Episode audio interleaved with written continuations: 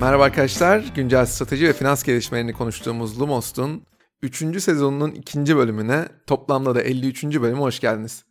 Lumos'un tüm bölümlerine dinleyebileceğiniz tüm platformlara lumos.net üzerinden ulaşabilirsiniz. Dikkatimi çeken güncel gelişmeleri kısa yorumlarla takip etmek isterseniz de sizleri Lumos'un Twitter, LinkedIn ve Instagram hesaplarına bekliyorum. Sosyal medya hesaplarınızda Lumos'u paylaşarak, Eki Sözlük ve Apple Podcast üzerinden değerlendirme bırakarak Lumos'un büyümesine katkıda bulunabilirsiniz. Sizlere desteğiniz için şimdiden çok teşekkür ediyorum. DNVB dosyamızın ikinci bölümünde konuğumuz bu iş modelinin öncüsü durumunda olan, hikayesiyle DNVB'lerin büyüme aşamasında yaşadığı problemleri yakından gözlemlememizi sağlayan Bonobos. Bölümün ilk kısmında Bonobos'un kuruluş hikayesini konuşacağız.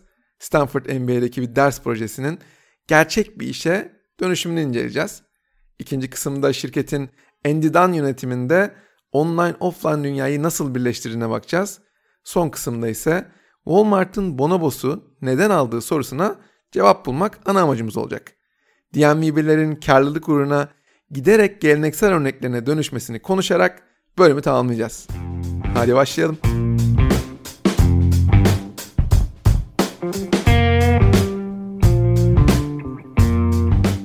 Erkekler için alışveriş deneyimi kadınlardan tipik şekilde ayrışıyor. Erkekler alışveriş için kadınların alışverişe harcadığı zamanın ortalamada 6'da birinden daha az zaman harcıyorlar. Yılda ortalama iki kez alışverişe çıkıp hızlıca ihtiyacı olan ürünleri satın alıyorlar. Bir markanın ürünlerinden memnunlarsa o markaya sadakatleri de çok yüksek oluyor. Özetle erkekler alışveriş konusunda risk almayı pek sevmiyorlar. Bonobos'u analiz ederken mutlaka ve mutlaka bu bilgileri göz önünde bulundurmak gerekiyor. Bonobos'un hikayesini anlatırken öncelikle en başa gidelim istiyorum. Brian Spelly 2005 yılında Stanford Business School'da MBA yaparken nasıl daha iyi pantolonlara sahip olabilirim fikri üzerine çalışmaya başlıyor. Çevresindeki insanlarla ne tür pantolonlar giydikleri, pantolonları konusunda memnun olup olmadıkları, pantolonlarını nereden aldıkları konusunda konuşan Spelly'nin kimsenin pantolonlarından memnun olmadığı gerçeğiyle yüzleşmesi pek de zaman almamış. Yani 2000'li yılların başlarında iş hayatına başlayan Y kuşağı kendileri için ideal pantolonu bulmak konusunda zorlanıyor diyebiliriz. Bir tarafta estetik olmaktan çok uzak geniş pantolonlar, diğer tarafta ise hareket etmenin çok zor olduğu dar pantolonlar. Erkek pantolonları üzerine ders projesi olarak yaptığı çalışmayı sunduğunda hem hocası hem arkadaşları Sperry'nin anlattıklarından çok etkileniyor. Stanford MBA'in bu tarz projeleri gerçek bir işe dönüştürmek konusunda ne kadar uygun bir yer olduğunu Lumos'un 51. bölümünde konuştuğumuz DoorDash'ten hatırlayanlar olacaktır mutlaka. Hocasının da teşvikleriyle Spelly projesini hayata geçirmeye karar veriyor. MBA'in ikinci yılında zamanını büyük ölçüde bu projeye adıyor ve Spelly Pants ismiyle ilk prototipleri 2007 yılında üretmeye başlıyor. Pantolon gibi çok klasik bir üründe nasıl bir inovasyon yaparak farklılaştığını sorduğunuzu duyar gibiyim. Bu pantolonların en önemli özelliği çok geniş Amerikan kesimi pantolonlar ile çok dar Avrupa kesimi pantolonlar arasında vücuda kesim olarak gerçekten daha iyi uymaları. Kaliteli bir esnek kumaş, havalı renkler, dikkat çekici cep astarları bu sayede farkını çok hızlı gösteren pantolonlar var karşımızda. Brian Sperry'nin tutkusundan ve ortaya çıkan üründen çok etkilenen sınıf arkadaşları herhangi bir beklentileri olmadan ona dönem dönem yardım ediyorlar. Hikayeye Andy'dan dahil oluyor bu noktada. Brian Spell'in ev arkadaşı olan Andy'dan ürünün potansiyelini görenlerden biri. Brian'ın hobisinin çok başarılı bir şirkete dönüşebileceğini düşünen Andy, şirketin stratejisi üzerine Brian ile çalışmaya başlıyor. MBA mezuniyeti sonrası da şirkete kurucu CEO olarak katılıyor.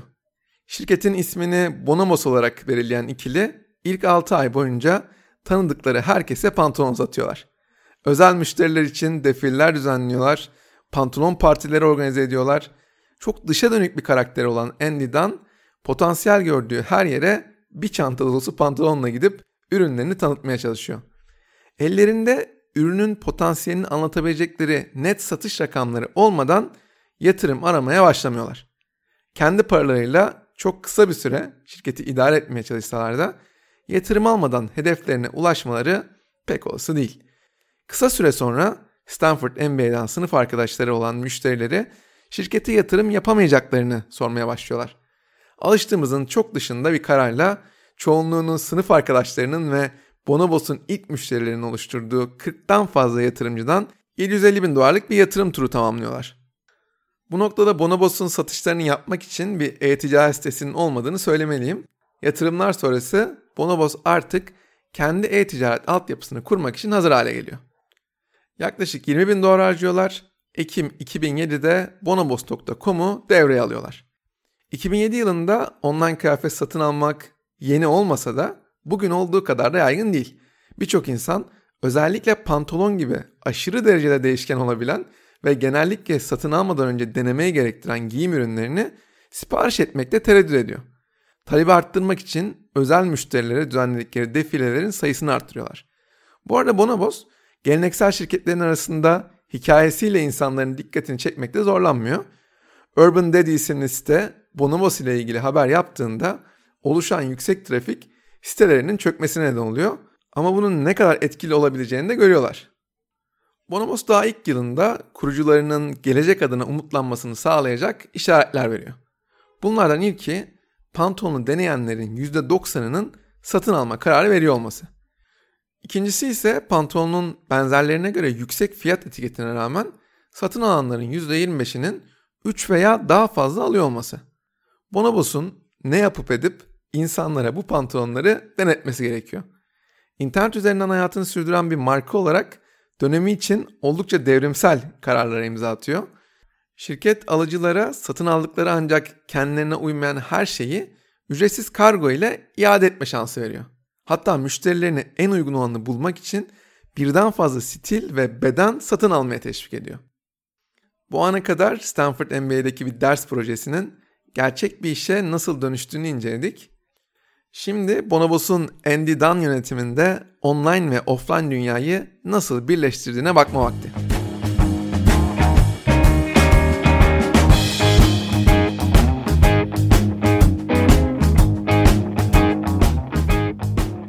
Bonobos'un satışları hızla büyürken 2009 sonbaharında Stage One Capital ve Forerunner Ventures'tan 3.75 milyon dolarlık bir yatırım daha alıyor.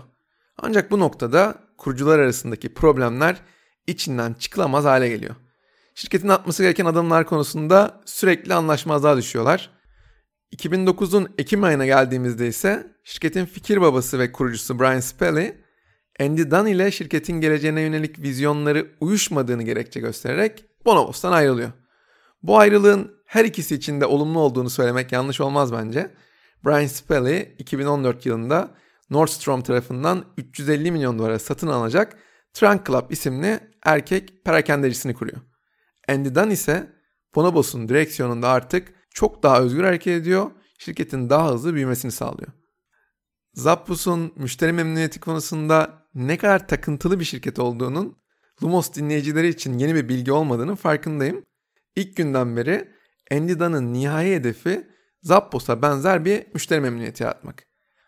Andy insanları online bir şirketten düzenli olarak kıyafet almaya ikna etmenin diğer işletmelerin sunmadığı bir müşteri hizmeti düzeyine odaklanmakla mümkün olabileceğini düşünüyor. Zappos'un müşteri hizmetleri çalışanları için kullandığı Niche terimini bile aynı şekilde kullanıyor. Zappos'ta olduğu gibi müşteri hizmetleri çalışanlarını otonom kararlar alabilmeleri adına özgür bırakıyor. Bonobos 2010 yılında Axel Partners ve Lightspeed Venture Partners gibi kurumsal yatırımcılardan 18,5 milyon dolarlık bir yatırım daha alıyor. Bonobos'un başarısının arkasında bir şeyi doğru yapmanın önemini net bir şekilde görebiliyoruz. Birçok şeyi doğru yapmaya çalışırken hiçbir şeyi doğru yapamamak tipik olarak gördüğümüz bir sorun.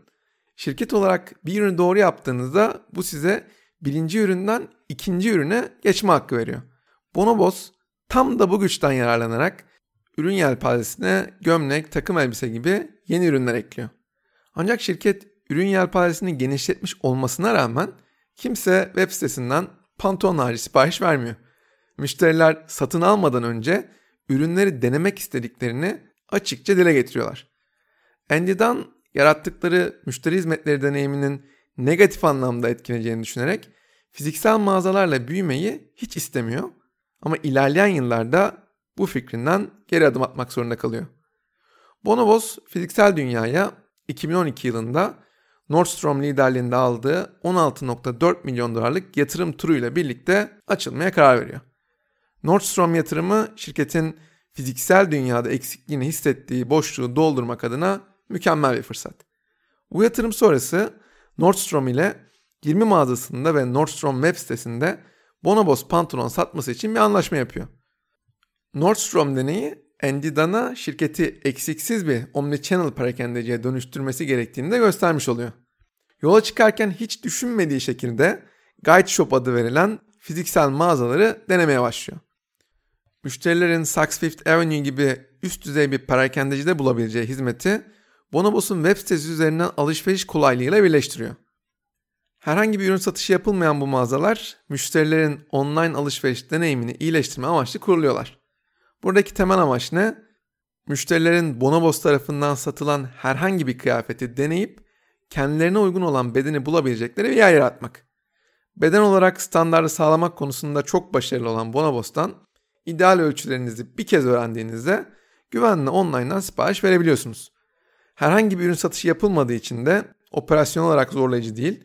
Yani fiziksel mağazacılık ek satış yapmaktan çok marka bilinirliğini arttırmak ve müşterilere dokunabilmek için kullanılıyor.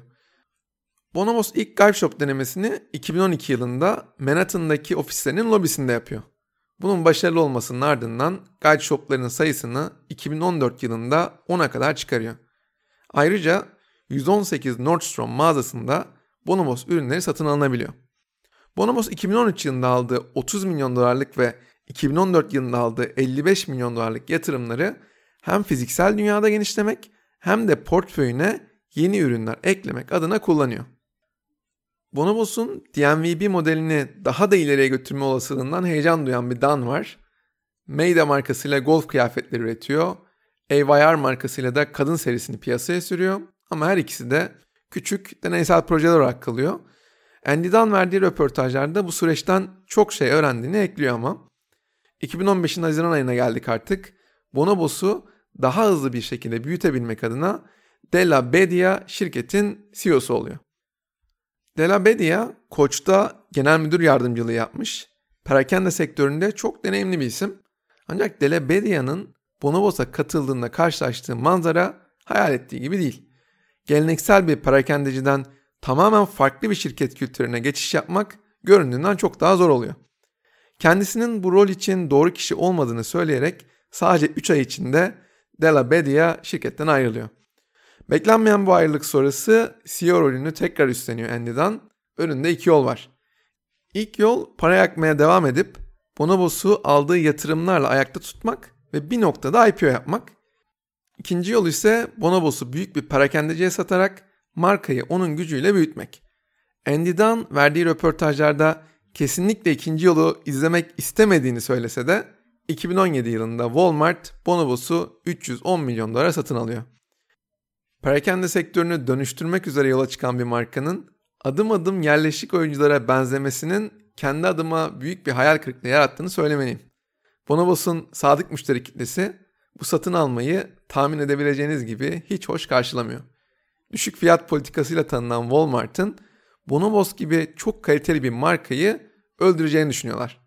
Zaman onların çekincelerinde ne kadar haklı olduklarını da göstermiş oluyor bizlere.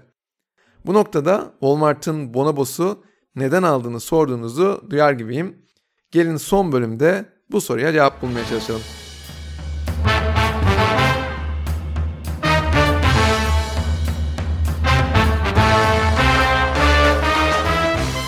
Walmart'ın Bonobos satın almasını şirketin Amazon'a karşı e-ticaret savaşında verdiği ayakta kalma savaşının bir parçası olarak okumak gerekiyor bence. Bu savaşta ilk önemli hamle 2016'nın Ağustos ayında 3.3 milyar dolar karşılığında satın aldığı sadece 15 ay önce kurulmuş olan e-ticaret sitesi Jet.com. Walmart CEO'su Doug McMillan'ın attığı bu cesur adımın temel sebebi Jet.com'un kurucusu Mark Lore ve yönetim ekibini işe alarak Amazon ile arasındaki uçurumu kapatmak. Mark Lore kim? Mark Lore herkes tarafından büyük saygı duyulan, e, kurucusu olduğu Diapers.com'u 2011 yılında 550 milyon dolara Amazon'a satmış. Sonrasında 2 yıl kadar Amazon'da önemli pozisyonlara çalışmış. Çok ama çok başarılı bir isim. Walmart'ın e-ticaret dönüşümüne liderlik etmek konusunda Mark Lord'dan daha iyi bir isim bulunamazdı muhtemelen. Mark Lord Walmart'a katılır katılmaz gözüne kestirdiği DMV'leri satın almaya başlıyor. Vintage kadın giyim markası Mod Cloth'u 50 milyon dolara satın alıyor. Büyük beden kadın moda markası Eloqui'yi 100 milyon dolara satın alıyor. Outdoor kıyafet parakendecisi Mosjov'u yine 50 milyon dolara satın alıyor. Bu satın almalardan sonra Mark Lor'un sıradaki hedefinin Bonobos olduğunu tahmin etmek pek de güç değil.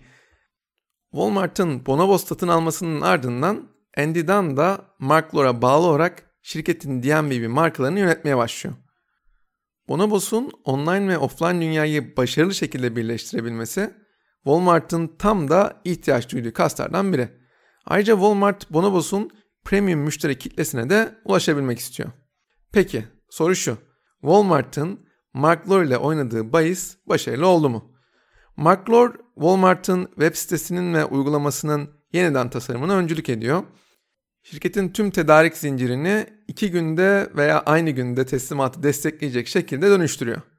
Ayrıca çevrim içi ürün çeşitliliğini 10 milyondan 80 milyonun üzerine çıkarıyor.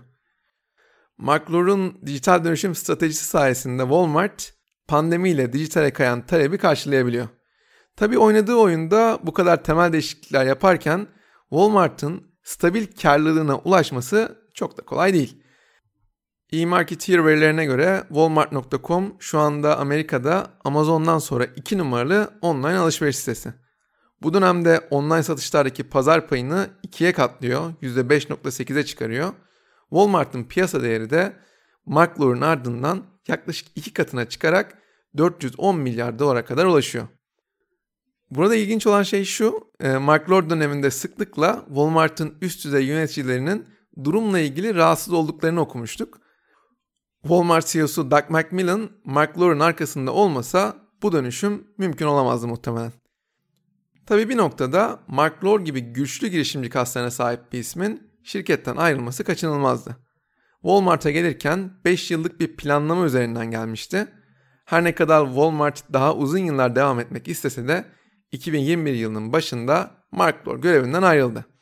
Hazır yeri gelmişken Mark Lord'un birkaç ay önce NBA takımlarından Minnesota Timberwolves'u ünlü beyzbol oyuncusu Alex Rodriguez ile birlikte satın aldığını da eklemeliyim. Kaan Kural'ın konuk olduğu Lumos'un 38. bölümünde teknoloji dünyasının önemli isimlerinin NBA takımlarına yoğun ilgisi olduğunu uzun uzun değerlendirmiştik. NBA'in en kötü yönetilen takımlarından biriydi Minnesota Timberwolves. Kendi adıma Mark Lord sonrası neler yapacağını merakla bekliyorum. Tekrar konumuza dönecek olursak. Peki Bonobos ve Walmart ilişkisi iki tarafın hayal ettiği gibi ilerledi mi? Mark Lord DMVB tarafında attığı adımların hiçbirinde istediğine ulaşamadı ne yazık ki. Geçen bölümde konuştuğumuz gibi müşteri edinme maliyetleri sürekli olarak artmaya devam ediyor. Walmart gibi dev bir perakendecinin müşteri tabanına anında erişmek ve kendi mağazalarını kiralamak zorunda kalmadan bir mağaza varlığına sahip olmak DMVB'ler için çok cazip görünüyor.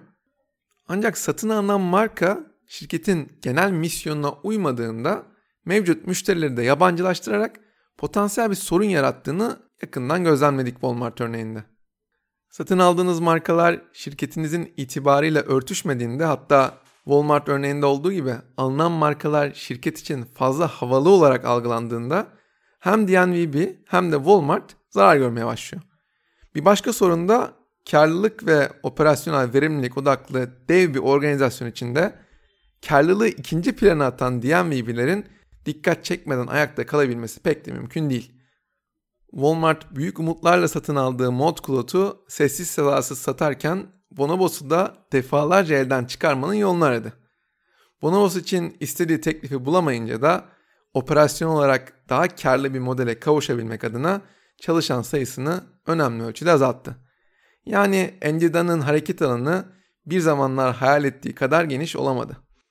Rol ve sorumlulukları giderek azalan Endidan da 2020'nin başlarında Walmart'taki görevinden ayrılmak zorunda kaldı.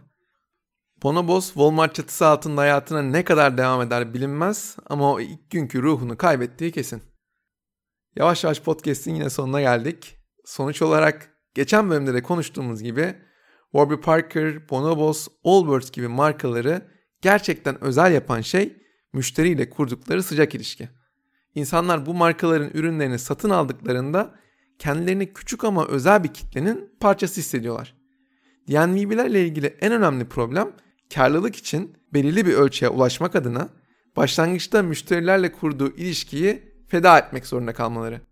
Bu da onları giderek geleneksel örneklerine dönüştürüyor. Kişisel fikrim Bonobos'u Walmart yerine Target gibi müşterilerle çok daha iyi ilişki kurabilen bir perakendeci satın alsaydı Bonobos adına bugün farklı şeyler konuşuyor olabilirdik. Walmart gibi başarısını operasyonel verimliliğe ve hacme borçlu olan bir perakendeci var karşımızda. Niş bir müşteri kitlesine hitap eden Bonobos gibi bir markanın Walmart'a uyumu daha en baştan problemli görünüyor. Önümüzdeki dönemde başta Bonobos olmak üzere Walmart'ın DNVB yatırımlarını yakından izlemeye devam edeceğiz. Bir sonraki bölümde görüşmek üzere.